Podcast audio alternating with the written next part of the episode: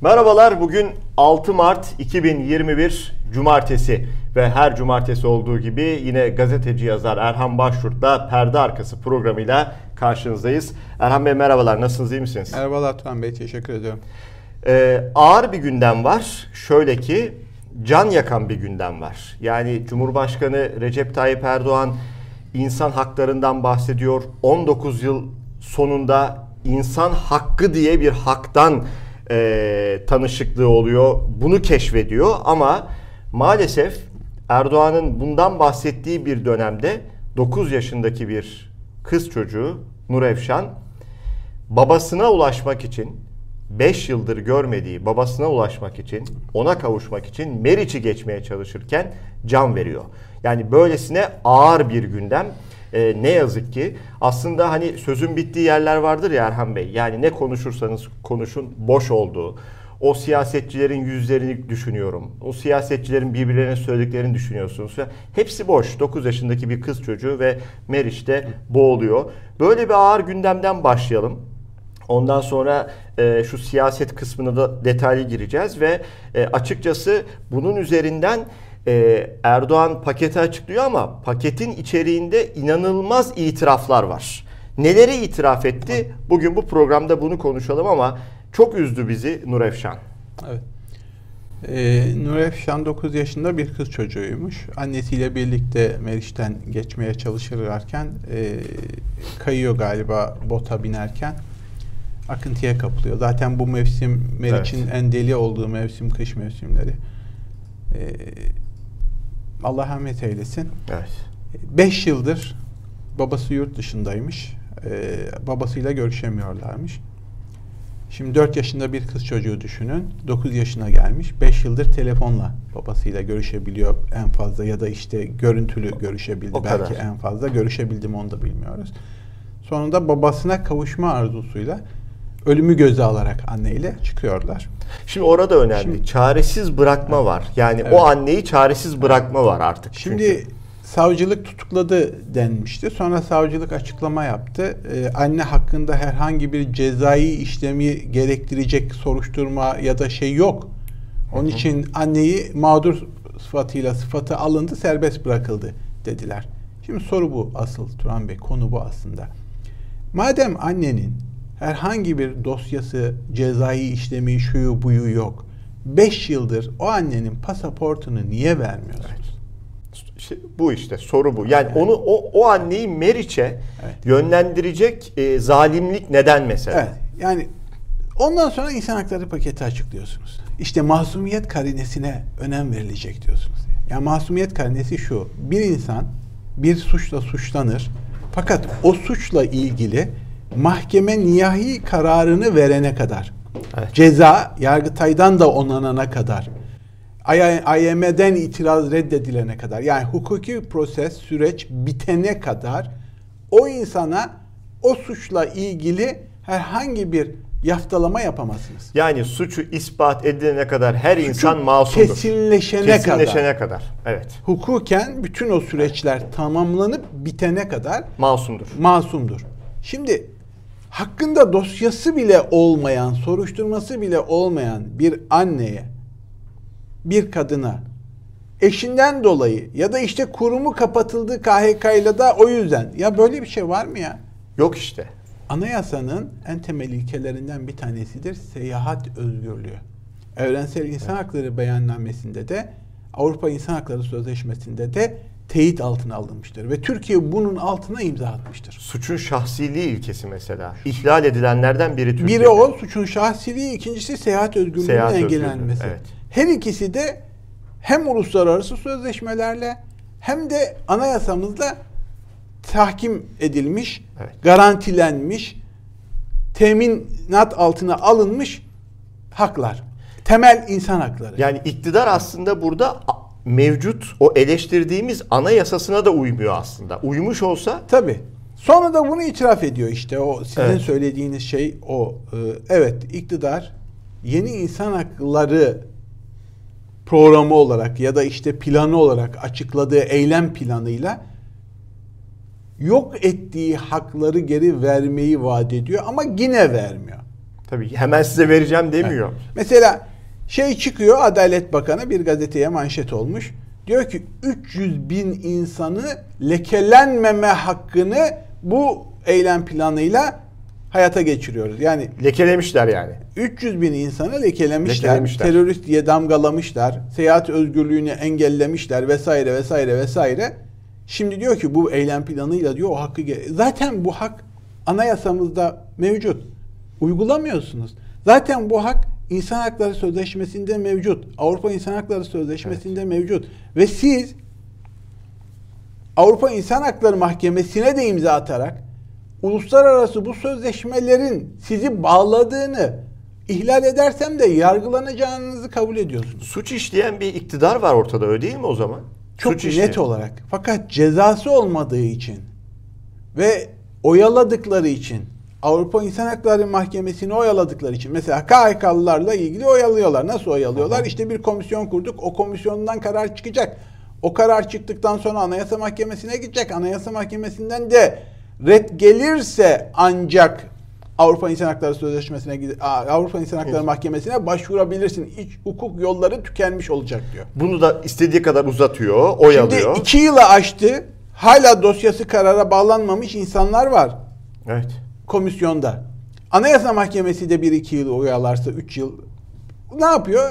Beş yıl, üç yıl oyalıyor. Beş yıl, üç yıl, altı yıl sonra gitsen iki üç yılda zaten en erken Avrupa İnsan Hakları Mahkemesi. Sonuçlansa. Sen 10 yıl masumsan bile mahkumsun. Ama işte İktidarın esirisin. bunlar hayat, bunlar birey, bunlar aile, İşte bunlar bunun insan. sonucu olarak daha önce de oldu Meriç'te 3 Tabii. çocuk vefat ettiğiydi. Ege'de boğulan bir aile oldu aynı Yeni şekilde. değil yani bu Yeni arada. değil. Sen öyle bir baskı ve zulümle insanlara özgürlüklerini, temel insan haklarını yok ediyorsun ki. Hani hep söylüyorduk da kimse inanmıyordu. Kardeşim bak şimdi adam kendisi itiraf ediyor zaten. Erdoğan itiraf ediyor. Yani Aslında diyor ki- paket değil, paket itiraf Tabii ya, paketi. Bu bir itiraf paketi. Biz yani diyor sizin nelerin- her türlü hakkınızı yedik. Anayasaya ihlal ettik diyor. Bir yani de bir lekelenmeme hakkı demek lekeliyoruz zaten demek. Tamam mı? Diyorlar ki e, kendileri gibi düşünmeyen, kendileri gibi yaşamayan, kendilerine boyun eğmeyen herkese fütursuzca saldıran e, küçümseyenlere meydanı bırakmayacağız Erdoğan.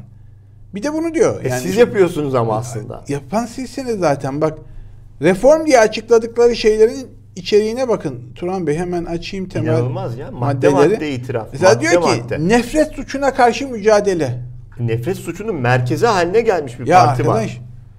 sen Boğaziçi'nde öğrenciler eylem yapıyor. Terörist diyorsun. Daha ortada hiçbir şey yok. Osman Kavala'nın eşi o kadın bilmem ne diyorsun. Hedef Profesör. Ayşe Buray'ı hedef gösteriyorsun. Herhangi bir insan hakkında o bir terörist deyip rahatlıkla çıkıp suçlama yapıyorsun. Evet. Yani herkese herkese bu nefret suçunu işliyorsun. Onlar terörist, CHP terörist, CHP e, terör örgütleriyle işbirliği yapıyor. İşte Canan Kaftancıoğlu terörist, o terörist, bu terörist. Topyekün cemaat terörist. Ya bu ülkede, bu ülkede MGK kararıyla herkes e, 15 Temmuz'da endekslenmiş ama 15 Temmuz'la ilgisi yok.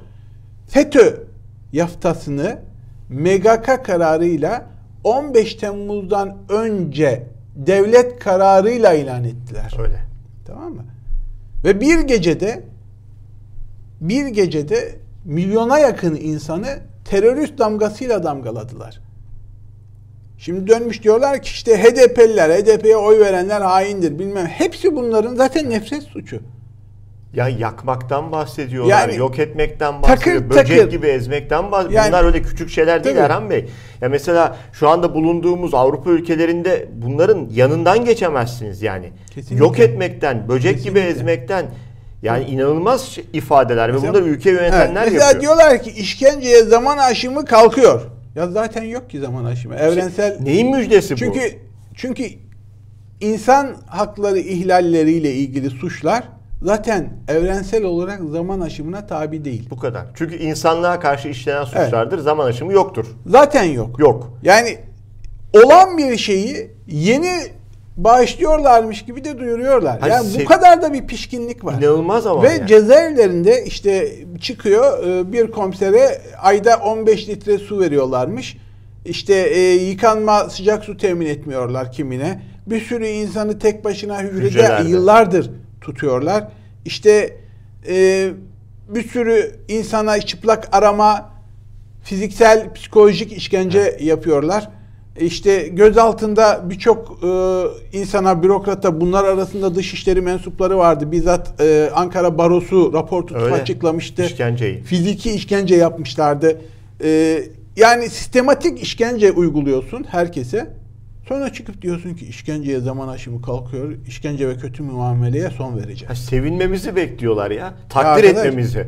Yani muhteşem Ya bir paket. Zaten anayasada bunların hepsi koruma altında. Nefret suçu da bizim anayasamızda var biliyor musun? Ayrımcılık, nefret suçu. Her ne kadar soykırım. uygulamasalar da. Ya zaten mevcut yasalarda. Sen bunları uygulamamakta problem var. Şimdi çıkmış bunları bir müjde, bir paket, beklediğiniz yargı paketi gibi açıklıyorlar. Hadi bunu açıklayabilecek e, yüz de çok önemli. Yani sen 20 yıldır bu ülkeyi yönetiyorsun. Evet. 20 yıldır yönettiğin ülkede bütün bu haklar ihlal ediliyor, itiraf ediyorsun. Evet. Ve bunu da bir lütuf gibi, bir ulufe dağıtırmış gibi insanlara müjde diye de açıklıyorsun ama bunu da uygulamıyorsun. Ve sen bunu yaparken işte başlarken söyledik ya insanlar meriçte boğuluyor ve bunun aması olmaz mesela. Yani mesela bunun önüne arkasına bir şey koyamazsınız. Yani bu insanın babası suçlu da olabilir bu arada. Annesi suçlu da olabilir. Bunun Yani- önüne arkasına ama mama koyarak değil. Yani bu ülkede bu gündem bile olmuyor. O kadar acı ki. Turan Bey diyorlar ki adil yargılama hakkı getireceğiz. İşte e, Olması zaten gerekmiyor mu? Neyine ya getiriyorsun? Adil yargılama Ya bu nasıl bir şey? Ne demek ya adil yargılanma yok diyorsun zaten. Yani biz de zaten diyoruz da kimse bize inanmıyordu. E şimdi kendi Cumhurbaşkanı itiraf etti. itiraf ediyor ve yine uygulamıyorlar. O da ayrı bir şey. Tamam mı? Mesela diyorlar ki ifade ve fikir özgürlüğünün kapsamı genişletilecek. İşte if, bir e, görüşünü şiddet içermeyen görüşünü açıkladığı için kimse gözaltına alınmayacak. Boğaziçi Üniversitesi öğrencileri. Yani Turan Bey bırak bu Mesela işini. son örnek diye veriyorum. Özlem Zengin hakkında bir avukat tweet atıyor. Evet. Tweet içeriğinde bir şey yok. Gözaltına alınıyor. Tutuklayamazsın. Cumhurbaşkanına hakaretten tutukladılar. Evet. Çünkü oraya çeviriyor, oradan tutuklanıyor. Süleyman Soylu'ya biri hakaret etmişti. Gözaltına alındı. Serbest bırakılmış. İtiraz ettiler. O meşhur tartışma vardı ya. Hı hı. Tekrar gözaltına alındı. Cumhurbaşkanına hakaretten, Hakaretten. tutuklandı. Şimdi ya yazarlar var içeride Turan Bey. Yüzün üzerinde gazeteci bu ülkede hala hapis. İddianameler bomboş. Gültekin Avcı yazdığı 6 tane köşe yazısından yazıyor. Köşe yazısı, köşe yazısı, köşe yazısından dolayı ve tamamı daha önce başka yerlerde yayınlanmış bilgiler üzerine yazılmış şeyler. Yani ilk kez onun ortaya çıkardığı bir gizli belge falan da yok yani. Yok. Yazı ya köşe yazısı. Köşe yazısı. Biz bunu demiyoruz bu arada. İddia, merak edenler iddianamesine baksınlar. Çok Ceza net- yedi. İddianamede yani- suçlama bu yani. Di- direkt yani o altı köşe yazısına atfen ceza ve, ve müebbet aldı biliyorsunuz. Tabii. Şimdi diğer ya gazeteci arkadaşlarımızın durumu farklı değil. Bilmem kimi tweetledi, kim retweetledi, şu görüşe attı bilmem ne diye. Ya şimdi diyorlar ki e, bu ülkede sırf Cumhurbaşkanı'na hakaret iddiasıyla geçen yıl 50 bin kişi soruşturulmuş. 50 bin kişi. Böyle bir rakam yok. Evet. Gerçekten yok Evet. yani. Bugüne Şimdi kadar. dönüp diyorsun ki ifade ve fikir özgürlüğüne daha çok değer ve yine vermiyorsun. Tamam mı? Hani keşke dönsen. Hani, hani keşke, burası kırılma olsa. kırılma olsa da Yani normalleşse Türkiye, hukuka dönse, adalete dönse. Çünkü şu an Türkiye'deki her şeyin Turan Bey, çürümüşlüğün, kokuşmuşluğun, ekonomik gerilemenin, krizin derinleşmesinin hepsinin ana sebebi hukukun olmaması. evet. Mesela açıkladıkları şeylerden bir tanesi ne biliyor musun? Mülkiyet hakkı en geniş şekilde korunacak. Ama zaten korunmak zorunda. Hayır, Mülkiyet zaten hakkı var da kutsal. anayasada. Anayasada var. Evrensel İnsan Hakları Sözleşmesi'nde de var. Avrupa İnsan Hakları Sözleşmesi'nde de bu madde var. İşte Tamam o- o- zaten Yani o çıldırtan insanı. Hakkı en iyi şekilde korunacak demek şu demek. Biz korumuyoruz o hakkı. Evet korumuyorsunuz. çöküyoruz diyor. Çöküyorsunuz. 50 bin işçili, 50 bin işçinin olduğu bine yakın kuruma 15 Temmuz sonrası 30 milyar dolar değerindeki kuruma çöktünüz. El koydunuz. Bankasya'ya zamanında el koydunuz. Hiçbir yasal şeyi yoktu. Açığı yoktu biliyorsun. Mesela daha burada daha önemli bir nokta var. Ee, bahsettiğiniz miktara çöküldü 15 Temmuz sonrası. Ama bu çökülen iş e, iş yerlerinin, şirketlerin, kurumların e, tek bir lirası bile terörle bağlantılı veya terörden kazanılan gelir veya oraya aktarılan bir gelir de bulunamadı. KHK kararıyla Evet. KHK kararıyla. Yani, Yani böyle mahkeme bir kararı Yok. vesaire değil. Burası çok önemli Daha bir detay. sonrasında da mesela ben Kozan'ın dosyasını takip ettiğim için biliyorum Koza Holding'in. Kararda şu geçiyor. KHK ile kapatılan e, medya kuruluşları ve üniversitenin finanse etmekle suçlanıyor. Ya KHK ile kapatan kim? Cumhurbaşkanı. Yasal hiçbir şey yok. Ne medyasına ne üniversitesine açılmış bir dava yok. Aslında suç yok. Yani suç yok, dava yok. Dava bile yok. Anladın mı? Ama çökebiliyor. Ama KHK ile kapattığına atfen şimdi dahasını söyleyeyim. Tüm bu kurumlarda çalışan personellere tazminat ödenmedi. Hı hı. Tazminat için başvuranlara da mahkeme ne karar verdi biliyor musun Turan? Bey? KHK'lısın. KHK ile kapatılan kurumda olduğu için tazminat hakkı yok. Böyle bir normalde böyle bir şey olamaz yani. Ve itiraz edemiyorsun hiçbir yere.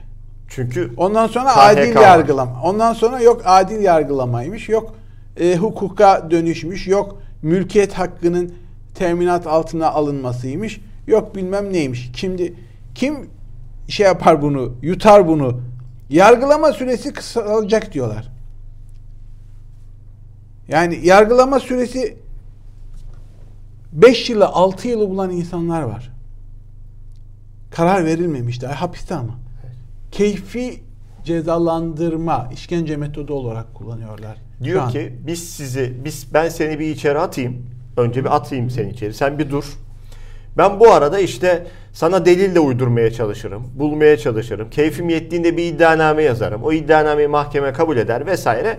Yargılamam başlar diyor. Arada tabii bu arada 1-2 yıl geçiyor. Tabii. Şu an bunu yapıyorlar binlerce insana. Tabii. Şimdi tüm bunlar bir itiraf. Burada bir e, şüphe yok. Peki niye yaptılar bu eylem planını Turan Bey? Soru bu. Yani Evet. neden şimdi ve niye böyle bir şey açıklama ih- ihtiyacı hissetti iktidar? Ve Bunun- Erdoğan. Evet, bununla ilgili Karar Gazetesi manşet yaptı. Sezgin Tanrıkulu da e, belgesini açıkladı. Espri şu Turan Bey. E, Avrupa Birliği'nden 1.2 milyon euro fon desteği almışlar. Hmm. Bu eylem planını açıklamak için. Ve e, sürenin doluş tarihi e, 1 Mart 2021. Para. Anladın mı? Para. Yani para karşılığı yalan beyan, içi boş bir eylem planı. Göstermelik. Yani neredeyse anayasa kapsamında bir eylem planı açıklamışsınız. Yeni bir anayasa kapsamında.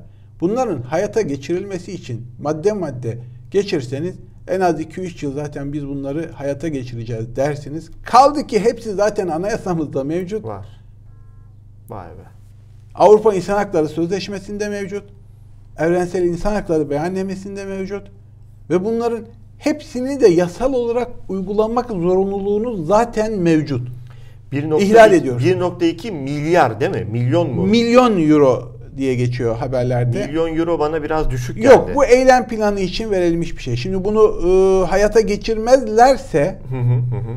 Avrupa Birliği'nin yaptırımları bunu daha önce konuşmuştuk. Ha, bunu Mart konuşmuştuk. kırılma ayı demiştik. Şu an Avrupa'ya şey mesajı veriyorlar dünyaya. Ha, biz- biz otoriterleşmeden çıkıyoruz. Bakın hukuka dönüyoruz, döneceğiz filan diyorlar. açık diyoruz işte. İnandırabilirlerse.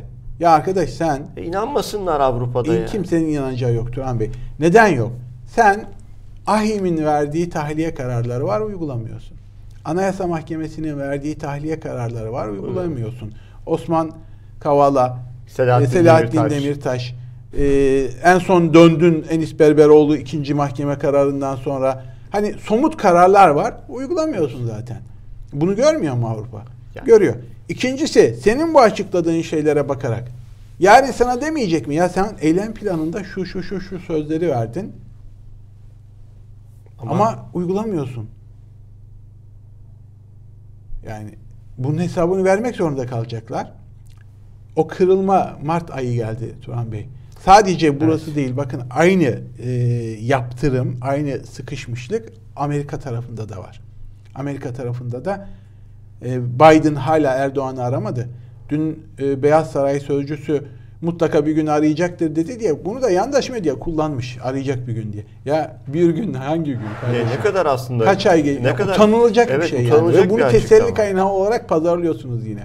Bir Biden Erdoğan'ı bir gün arayacak. Evet bir gün arayacak da ne diyecek bilmiyorum. Umudunu kaybetme Erdoğan. Evet.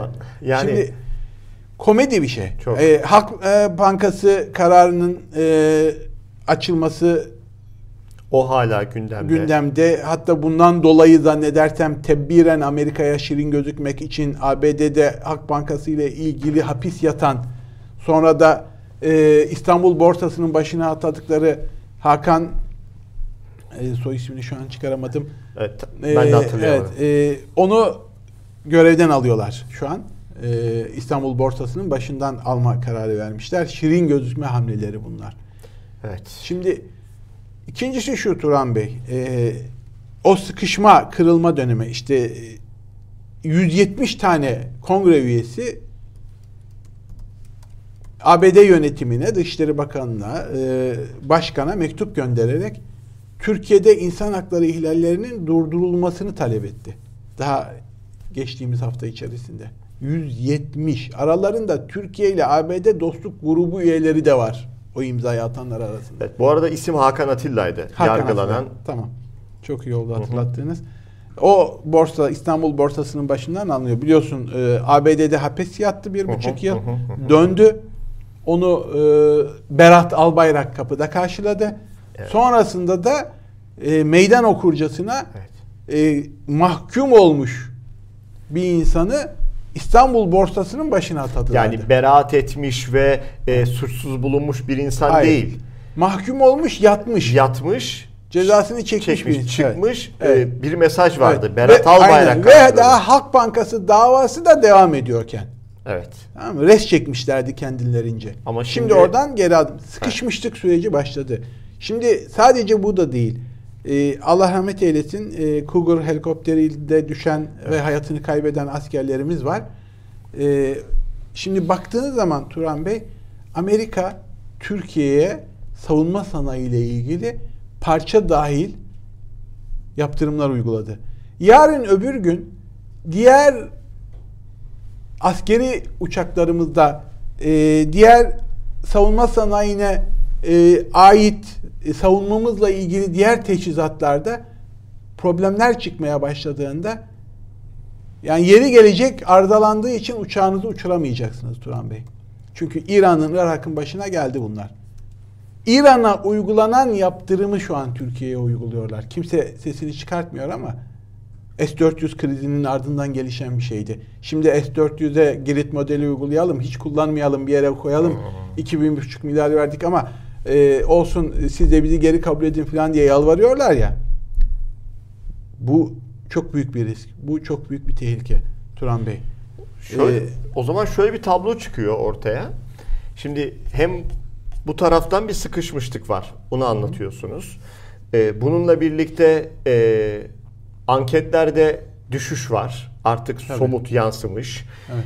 Ee, ekonomik kriz bir yandan sıkıştırmış durumda e, kendi koydukları yasaklara rağmen e, pandemi döneminde miting yapan, kongre salonlarını dolduran bir e, lider var karşımızda. Sözüm ona paketler açıklanıyor, hepsi boş. Yani ekonomi paketi, reform diyorlar, e, insan hakları diyorlar, hepsi boş. E, belli ki bir sıkışmışlık iktidarda var. Peki bütün buradan e, çıkış var mı? Erdoğan gitmeden Erdoğansız yani Erdoğan'la birlikte bu ülke yeniden çıkışa geçebilir mi yoksa tek çare Erdoğan'ın gitmesi mi? Turan Bey gönül ister ki Türkiye yeniden çıkışa geçebilsin ama e, mevcut iktidarla bu ihtimal sıfır. Yani Türkiye'nin, Türk halkının hı hı. bu gerçeği anlaması ve görmesi gerekiyor. Ne ekonomik krizden ne yaşadığımız insan hakları ihlalleri ve zulüm diyebileceğim e, politikalardan Türkiye bu iktidardan kurtulmadan kurtulamaz. Neden diyeceksin? Evet. Her şeyin başlandığı nokta 17-25 Aralık yolsuzluk soruşturmalarıdır. Bu soruşturmaların açılmasından sonra hesap vermesi gereken iktidar hukuki yollarla kendisine dosyayı açan, soruşturmayı yürüten hakim ve savcıları gözaltına alıp hesap vermemek için de otoriterleşme yoluna gitti. 15 Temmuz'u da bir fırsata dönüştürüp onun için tiyatro diyenler var zaten, kurgu diyenler var. Bir fırsata dönüştürüp başkanlık rejimine, tek adam rejimine geçiş yapıp topyekün otoriterleşme, totaliter rejime dönme eğilimine girdi. Çünkü hesap sorulamaması gerekiyor. Yani 2013 e, milat gibi bir tarih olabilir mi? Yani Kesinlikle 2012 ilk 2013. kırılma 15 Temmuz ikinci ciddi kırılma e, başkanlık seçimi hı hı. E, oylaması referandum bu manada üçüncü kırılmadır. Adım adım adım adım geliyor.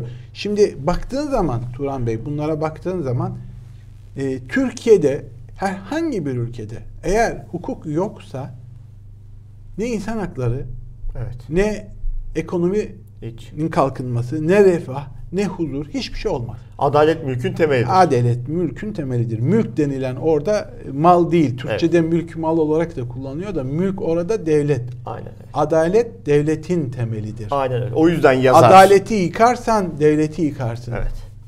Şu an iktidarın yaptığı şey bu. Adaleti yok ederek devleti yok ediyorlar. Şimdi mülkiyet hakkı garantisi veriyoruz. Uyuşmazlık mahkemelerinin önünü açıyoruz. Ee, tahkim mahkemelerine gidişi kolaylaştırıyoruz. İstanbul'da tahkim mahkemesi kuruyoruz filan filan filan bir sürü şey açıkladılar. Bunların hepsi ne biliyor musun? Hukuk yok edildiği için uluslararası sermaye kimse getirip de parasını sana verip riske etmek istemiyor. Türkiye'ye yatırım yapıp el konulsun riskine girmek istemiyor. Kim ister? Ya da rüşvet vermek zorunda kalmak istemiyor. Ya da kendisine yapılan bir hukuksuzluğu götüreceği bir mahkeme bulamayacaksa niye geleyim diyor. Hani bir sabah uyandığında yani çökülmüş olabilir. Sana yatırım yapmakla geri kalmış bir ülkeye e, kabile devletine ait bir ülkeye yapılan yatırım arasında şu an fark kalmamış. O riski kimse göze almak istemiyor tabii olarak. Normal. E niye insanlar parasını getirip sokağa alsınlar? Getirmiyor işte. Ha. Daha güvenli yerler var. Güvencesiz, kesin, hukuku sağlam olan ülkeler var. İnsanlar oraya gidiyorlar. Şimdi bu sermayeyi geri döndüremezsiniz hukuka dönmeden. Hukuka da dönemez bu iktidar. Çünkü o kadar çok hukuk ihlali yaptılar ki, o kadar çok insan hakları ihlali yaptılar ki, o kadar çok yolsuzluk ve rüşvet iddiası var ki haklarında. Korkunç. Yani tamam. suç Dolayısıyla var, suç. dönemezler. Şimdi bu iktidar hukuka dönemeyeceğine göre bu ülkede ekonomi toparlanamayacak demektir Turan Bey. Bu ülkede refah artmayacak ülke adım adım adım fakirleşmeye ve otoriterleşmeye devam edecek demektir. Ve böyle oluyor. Mesela evet. bunu Bu iki yıl önce de söylüyorduk. Üç yıl önce, dört yıl, beş yıl, altı yıl ve nitekim oldu bugün. Ya kaçınılmaz son Turan Bey. Bütün diktatöryal rejimlerin, bütün tek adam rejimlerinin kaçınılmaz sonu bu. Fakat sorun şu. Kurbağa hikayesi vardır, deneyi vardır. E, derler ya kurbağayı sıcak suyun içine attıklarında Hı. kurbağa oradan sıçrayarak kurtarırmış kendisini. Eğer kurbağayı ılık bir suyun içerisine koyarsanız ve suyu ateşi hafiften hafiften harlarsanız, ısıtırsanız kurbağa kaynar ama kaynadığını fark etmez ve çıkıp gidemezmiş. Şimdi Türkiye'de yaşanan bu. İnsanlar ılık suda hafif ateşte pişen kurbağa misali kaynatıldıklarının farkına varamıyorlar. Tamam Yani 5 yıl önce deseler ki böyle bir Türkiye sana vaat ediyoruz hiç kimse buna evet demez. Tabii. Ama bugün buraya geldiklerini fark edemiyorlar. İşte o 9 yaşındaki Nuri Efşan olayı da. Bakın bir gün içerisinde sana yaşananları söyleyeceğim. Mesela gazeteciler var. 113 gazeteci var hapiste. Hali hazırda. Hala. Evet hala yüzün üstünde. Bunlardan 10 tanesinin şeyi dolmuş. E, infaz süresi dolmuş. Yani ceza vermişsin. Evet. İfade özgürlüğünü ihlal ederek ceza vermişsin. Haksız, adil yargılama olmadan ceza vermişsin o adil olmayan cezayın da infazını yani hapiste yatması gereken süreyi doldurmuşlar. Yani artık şey kısmını söylemiyoruz. Yani bu gazeteciler masum demiyoruz. Hadi suçlular cezalarını da çekmişler. Çıkmaları evet. gerekiyor. Bunları tahliye etmiyorlar. Bırakmıyorlar şu an. Bırakmıyorlar ve bunlar tek vaka değil. Ee, dün BBC de bir haberle karşılaştım. Ee, 50'nin üzerinde insan var. Bunlar arasında Kürt e, gazeteciler e, ya da işte HDP ile ilgili gözaltına alınmış Siyasetçiler var var. belki. Siyasetçiler de var. E, 50'nin üzerinde insan hükümlü hakkında verilmiş kararlar var ve savcı kararıyla bunlar tutuluyorlarmış Turan Bey. Bir komisyon alır gibi kurulmuş. değil ama. Başında savcı varmış. Savcı diyormuş ki e, bu yeterli gayret göstermediği, pişmanlık duymadığını düşünüyorum. Yatmaya devam etsin. Şimdi bu normalde hukuk devleti değil. Adını net koyalım. O işte Yani- hani dedi ya eylem planına geçeceğiz. Yok işte adil yargılama olacak. Tutukluluk süresini azaltıyoruz. Bilmem ne bilmem ne bilmem. Ya kardeşim somut vakalar Yani var işte kimse diyor. kimseyi kandırmasın. Ya yani. kimse kimseyi kandırmasın Burası yani. hukuk devleti değil yani. Değil. Kimse böyle yapamaz. hukuk Şimdi ben devleti. sadece bir gün içerisinde karşıma çıkan bir iki olay vardı böyle arka arkaya geldiği için e, ilgimi çekmişti. Mesela Eren Keskin tweet atmış. Mehmet Emin Özkan 82 yaşında 25 yıldır cezaevinde ağır hasta ancak resmi bilir kişi adli tıp cezaevinde kalabilir raporu verdi. Yaş İnsan 85. hakları eylem planı öyle mi? diye de Yaş sormuş. 85. Yaş 82. 82 ağır hasta. Ağır hasta. 25 yıldır zaten tutuklu. Tamam mı? Ama içeride tutmaya devam ediyorlar. Bakın. Evet. Ee, bir baba tweet atmış. Ee, Sayın Ali Babacan, benim oğlum Yusuf Bilge Tunç da kaçırıldı. 19 aydır oğlumdan hiçbir haber alamıyorum. Bu nasıl bir şey? Yargı yargısız infaz yapıyor. Yardımcı olun ne olur? Yaklaşık 2 senedir Evet, iki bir senedir baba Yani- transporterla kaçırılmış bir baba devlet tarafından kaçırıldığı için de devlet soruşturmuyor. Çünkü şimdi baba devlete gidiyor. Diyor ki benim oğlum nerede? Şimdi çok basittir. Öldü Allah korusun. Tutukladık. Cezaevinde vesaire. Nettir yani. Ama bu öyle bir durum ki yok diyor yani. Yok. Kamera görüntüleri var. Yani tespit edilmiş arabaya bindirme vesaire görüntüleri var ama kişi yok. Çünkü sorduğun kişi kaçırmış. Devlete soruyorsun. Ve soruşturtmuyor. Evet, bizi. soruşturtmuyor. Aynı e, cumartesi annelerin yaşadığı Evet. o ağır dram gibi. Şimdi ha, bu arada o eylem planında şey de var Turan Bey. E, şiddet içermeyen e, toplu gösteri e, gösterilere izin hakkı. Zaten hak. Hak zaten uygulanmıyor da Eylem hakkı var yani insanların. e, zaten uygulanmıyor. E, AKP dışında ya da AKP'ye destek dışında bir miting de yapamıyorsunuz. O ayrı. O ayrı. Tek başına bak bırak topluyu.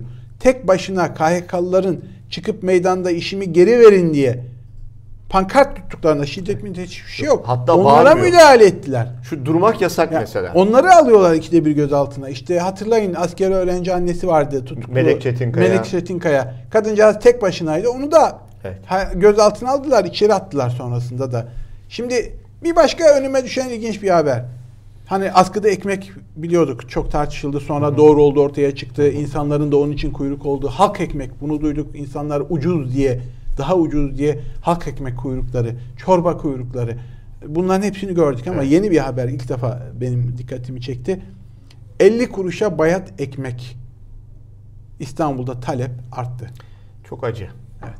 Yani bu hale gelinmesi çok acı. Evet. Dedim ya Çok kurbağa acı misali. Evet. Ee, ağır ağır piştiği için insanlar ne olduklarını anlayamıyorlar. Çok acı yani. Bu ülke fakirleşiyor.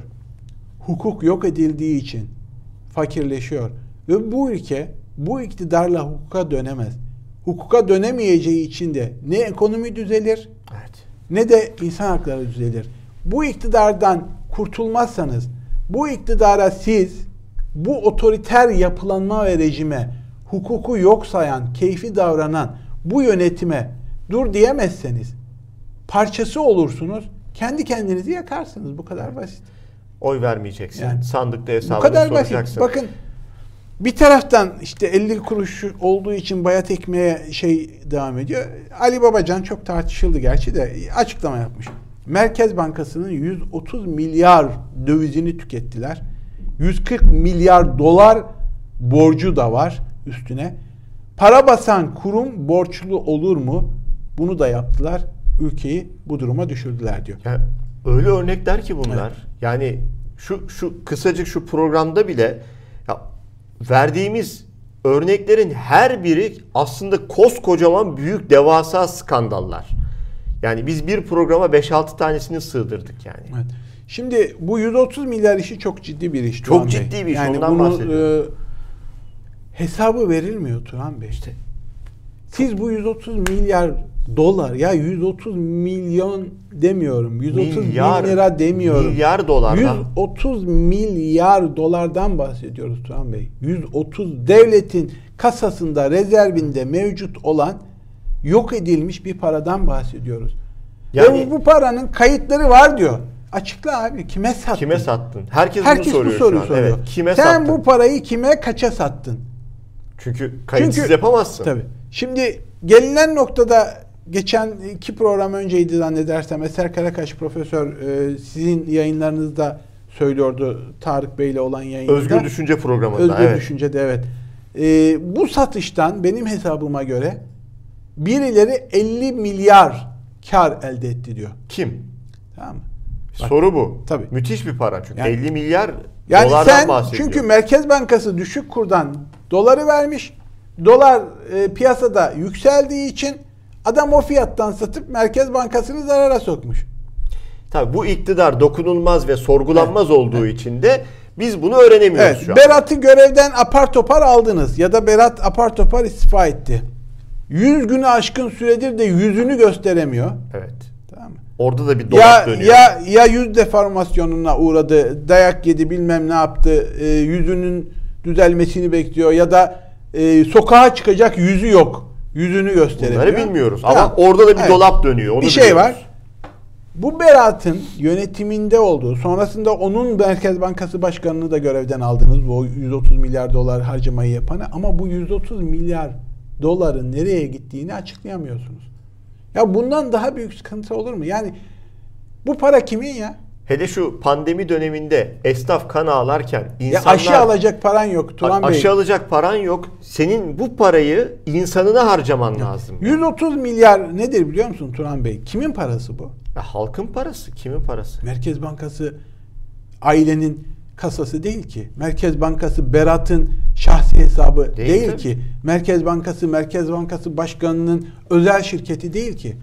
Devletin kasası Turan Bey. Yani devlete halkına harcaman gerekiyor. Halkın kasası. Evet, halkın kasası. Halkın parası o para. Soyuyorlar halkı. Ve halk 130 milyar dolar ya dolar diyorum ya 130 milyar dolar ne demek? ben hesaplayamam. O kadar matematiğim yok benim. Yani 1 trilyon TL'ye tekabül ediyor. Yani böyle acayip bir paradan bahsediyoruz. Hani böyle şey bir paradan bahsetmiyoruz. Ee, basit bir şeyden bahsetmiyoruz. Ee, Türkiye'nin dış borcu kadar paradan bahsediyoruz. İnanılır gibi değil Yani, yani. hazine rezerviniz eksiye düşmüş. 45 milyar açığı var şu an borcu var. Yani şu an e, geçen bir ekonomist çok güzel bir tweet atmıştı. Cebinizde 1 lira varsa, bir tek lira varsa şu an Türkiye Cumhuriyeti Merkez Bankası'ndan daha zenginsiniz. Çünkü onda o da yok. Onda yok 45 Eksi. milyar açığı var. Ekside. Ve hiçbir şey olmamış gibi bu ülkede hayat devam ediyor. Ve Cumhurbaşkanı çıkıyor savunuyor. Ve paketler açık damat diyor. bilmem ne, Savun- bilmem ne damat falan diyor, çok diyor. başarılıydı Çok başarılıydı diyor. Evet çok başarılı yani Bunu yapmak abrakadabra büyük, bunu gibi bir şey yani. büyük başarı yani. Yani 130 milyar doları yok edebilmek öyle her baba yiğidin karı değil. Bu manada İlk bakarsanız. herhalde yani Türkiye Cumhuriyeti tarihinde herhalde böylesi görülmemiş. Yani e, böyle bir abrakadabra. Böylesi görülmemiş ve böyle hesabı verilmeyen bir şey de görülmemiş.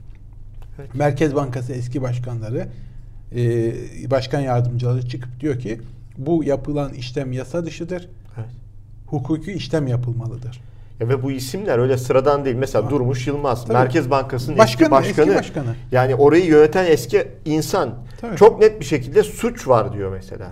Hesap verilmesi gerekir diyor ama tık yok ülkede. Hiçbir şey, hiçbir Ne şey bir savcı var, ne bir yargı merciği var bunu soruşturabilecek. Bununla ilgili gazeteci yok bunu soracak. Var elbette hakkını yemeyelim. Soran 3-5 tane gazeteci var hala Türkiye'de. Yani siyasiler de işin e, peşini bırakmaması gerekiyor. Esas e, şey bu. İkincisi Türkiye'de e, iktidar şunu yapıyor. Mesela CHP kötüdür. İşte CHP'ye oy verirseniz size şunları şunları yapacak. İşte CHP tek parti döneminde bunları yaptı falan ama şu an AKP tek partisi döneminde, tek adam döneminde daha kötüsünü yapıyor. Bundan daha kötü bir tablo. CHP'nin bunu söyleyemiyor. Yani siz bunu halka tekrar etmek zorundasınız. Ve şu gerçeği halka aşılamak ve anlatmak zorundasınız. Bu iktidarla Türkiye düze çıkamaz ancak daha fazla uçuruma yaklaşır. Nokta. Bu kadar. Bu gerçeği anlatamazsanız insanlarda o bilinci oluşturmak zorundasınız. Yani neden böyle olduğunu da anlatabilmek zorundasınız. Yani Türkiye niçin geriliyor? Türkiye niçin fakirleşiyor? Türk halkı niçin fakirleşiyor? Yani milli gelir niye düşüyor? Bizim 130 milyar rezervimiz vardı övünüp duruyorduk da niye şimdi 45 milyar dolar borçluyuz? Mesela kişi başına düşen milli gelirde neden 2004'e geriledik, neden 2003'e geriledik diye sorması gerekiyor her bir vatandaşın. Kesinlikle. Ben adım adım niye fakirleşiyorum kardeşim? Bak, daha açalım. Yani ben gerçi ekonomist değilim. Ekonomi iki tane ekonomi hocamız var artık. Onlar varken de böyle sizin kanalda bu konuda konuşmak hiç hoş gelmiyor bana Yapmayın ama. ya. yarın, yarın pazar günü İbrahim Öztürk'ün programını seyretsin seyircilerimiz. Evet. Olsun hadi ben birazcık izin vereceğim size. Ben, ben sadece Tamam. e, dediğimiz şeylerin içeriğini anlatabilmek için söyleyeceğim. Turan Bey bu ülkede faiz kaça çıktı? Yüzde 17 şu an. İnanılmaz bir rakam bu. Dünyada, Anlatıyor ekonomistler. dünyada, Dünyada En, en yüksek faiz veren Evet. ülkelerden bir tanesi. Avrupa'da neredeyse sıfır bu arada. Ee. Avrupa'da sıfır. Ee, geri kalmış birkaç ülke var işte onlar bizden daha yüksek. Biz de şu an dünyada e, dokuzduk daha yukarı çıktık mı bilmiyorum. Dünyada dokuzuz yani. Ha, bize dünya birincisi olmak yakışır diye e, saf zihinler olabilir öyle değil. En yüksek faizi Öyle vermek bir başarısızlıktır. Evet. Ee, yanlış anlaşılmasın. En düşük faizi vermek başarılı ekonomi olduğunuzu gösterir. Şimdi bu yüzde 17 demek faizdeki her artışın Türk halkına bindirdiği yük yani Türk halkının e, getirip parasını Merkez Bankası'nın tahvilini alıp da Türkiye'ye yatıran adama dolara ödeyeceği yüzde bu. Bunun Türk halkına getirdiği yük 150 milyardı Turan Bey. Her bir yüzde dilimin. Tamam mı? Şimdi düşün. Avrupa'da sıfır, Türkiye'de 117. Bu şu demek. Bir Almanın, bir İngiliz'in, bir Fransız'ın, bir Amerikalı'nın ödediği yük üzerlerinde sıfırken vatandaş olarak Evet. Türk halkının üzerinde çarpın 150 milyarı 17 ile bu faizi ödemek için üzerinizde bu kadar yük var. Bu sizden alınan vergilerle, sizden alınacak vergilerle ya da size harcanması gerekirken size harcanmayıp Evet. o para sahiplerine ödenecek para demek. Çok güzel söylediniz. Tamam mı? Size harcanması gereken. Halk hep iş oraya geliyor. Halkın parası. Şimdi bunu niye %17'ye yükselttiler Turan Bey? Dediler ki 130 milyar dolar rezervimiz vardı tükettik. Zaten 45 milyar açığımız var. Para satarak ya da parayla bu işi yapamıyoruz. Ee, kamu bankalarına devredip ya da işte özel insanlara zaten götürdük götürebildiğimiz deniz bitti. E ne yapalım? Faiz yükseltmemiz lazım. Faizi yükseltirsek dövizi stabil tutabiliriz, düşürebiliriz. İlk birkaç gün öyle oldu gerçekten. Birkaç hafta. Biraz düştü dikkat düştü. ederseniz döviz. Şimdi döviz tekrar yükseldi Turan Bey. Ve biliyor musun? Dövizdeki her 10 sent artışın Türkiye üzerine bindirdiği miktar da bir 150 milyar dolar. Ve maalesef ekonomistler Yani- bunu tutamayacaklarını Evet, söylüyorlar. yani dövizi. 150 değil şu an Evet. hem faizi arttırıp hem döviz arttığı için Türk halkının üzerindeki borç yükü, Türk halkının vergisi üzerindeki yük, Türk halkının kendisine harcanması gereken para üzerindeki yük artıyor. Şöyle düşünün. Siz 7-24 çalışıyorsunuz. Almanız gereken e, para 1000 lira örnek ya da aylık maaş 5000 lira örnek söyleyeyim. Patron diyor ki bunun diyor şu kadarını faize şu kadarını da dövize vermek zorundayım. Sana ancak 1000 lirasını verebilirim. Senin maaşın 5000 olması gerekirken ödemem gerekirken o 5000'in 4000'ini ben zenginlere ya da işte e, döviz farkına vermek zorundayım. Sen bin lirayla geçinmeye bakacaksın diyor. Tamam mı? Yani bu kadar net yani bu para sizin paranız. Bu para bizim paramız. Bu para halkın parası. Bunu net olarak onun için faizin düşük olduğu ülkelerde refah daha yüksek. Dikkat edin. Bu kadar basit aslında. Refah denklem. yüksek olduğu için faizi düşük değil. değil. Hukuk olduğu için, insanların teminatı, güvencesi olduğu için yatırımlar o ülkelere gidiyor. O ülke yönetimleri de şeffaf oldukları için, hukuk önünde hesap verebildikleri için itibar elde ediyorlar, güven veriyorlar, güven telkin ediyorlar ve karşılıklı olarak ülke refah içerisinde yaşayabiliyor. Türkiye'de ise tam tersi. İktidar güven vermiyor. İktidar popülist söylemlerle, ulusalcı söylemlerle halkın zihnini bulandırıyor. Yalan dememek için uğraşıyorum. Ee, politikalarla aldatıyor halkını. Algı operasyonlarıyla aldatıyor halkını. Halka harcanması gereken, halktan toplanmış paraları döviz farkına, dış borca ve faiz olarak getirip sizden tahvil alan yatırımcıya para olarak veriyor. Halkını fakirleştiriyor. Formül bu kadar basit Turan Bey. Şimdi ben diyorum ki hukuka dönüşü olmayan bir iktidarda hukuka dönme imkan ve ihtimali olmayan bir iktidarla siz bu krizden çıkamazsınız. Onun için diyorum ki ya bu idareyi, bu yönetimi, Erdoğan yönetimine son verirsiniz, bitirirsiniz ya da o sizi bitirecek. Evet. Bu kadar net. Peki. Evet şöyle bağlayalım. Yani bu tabloda bu iktidarla bu filmde mutlu son yok. Mümkün ne yazık değil ki. Turan. Hiçbir tek adam rejiminde mutlu son yok Turan Bey. Evet. Yani Türk halkının bunu görmesi lazım. Saddam bir tek adamdı. Mübarek bir tek adamdı. Kaddafi bir tek adamdı. Stalin bir tek adamdı. Hitler bir tek adamdı. Hiçbir tek adam ülkesine refah, huzur, mutluluk getirmemiş. Hiçbirinin filminin sonu mutlu bitmemiş ki Türkiye'ninki bitsin. Peki teşekkür ediyoruz Ben abi. teşekkür ediyorum. Evet bir programın daha sonuna geldik sevgili seyirciler. Haftaya yine cumartesi günü yeni perde arkasında daha görüşmek üzere diyelim. Hoşçakalın iyi hafta sonları.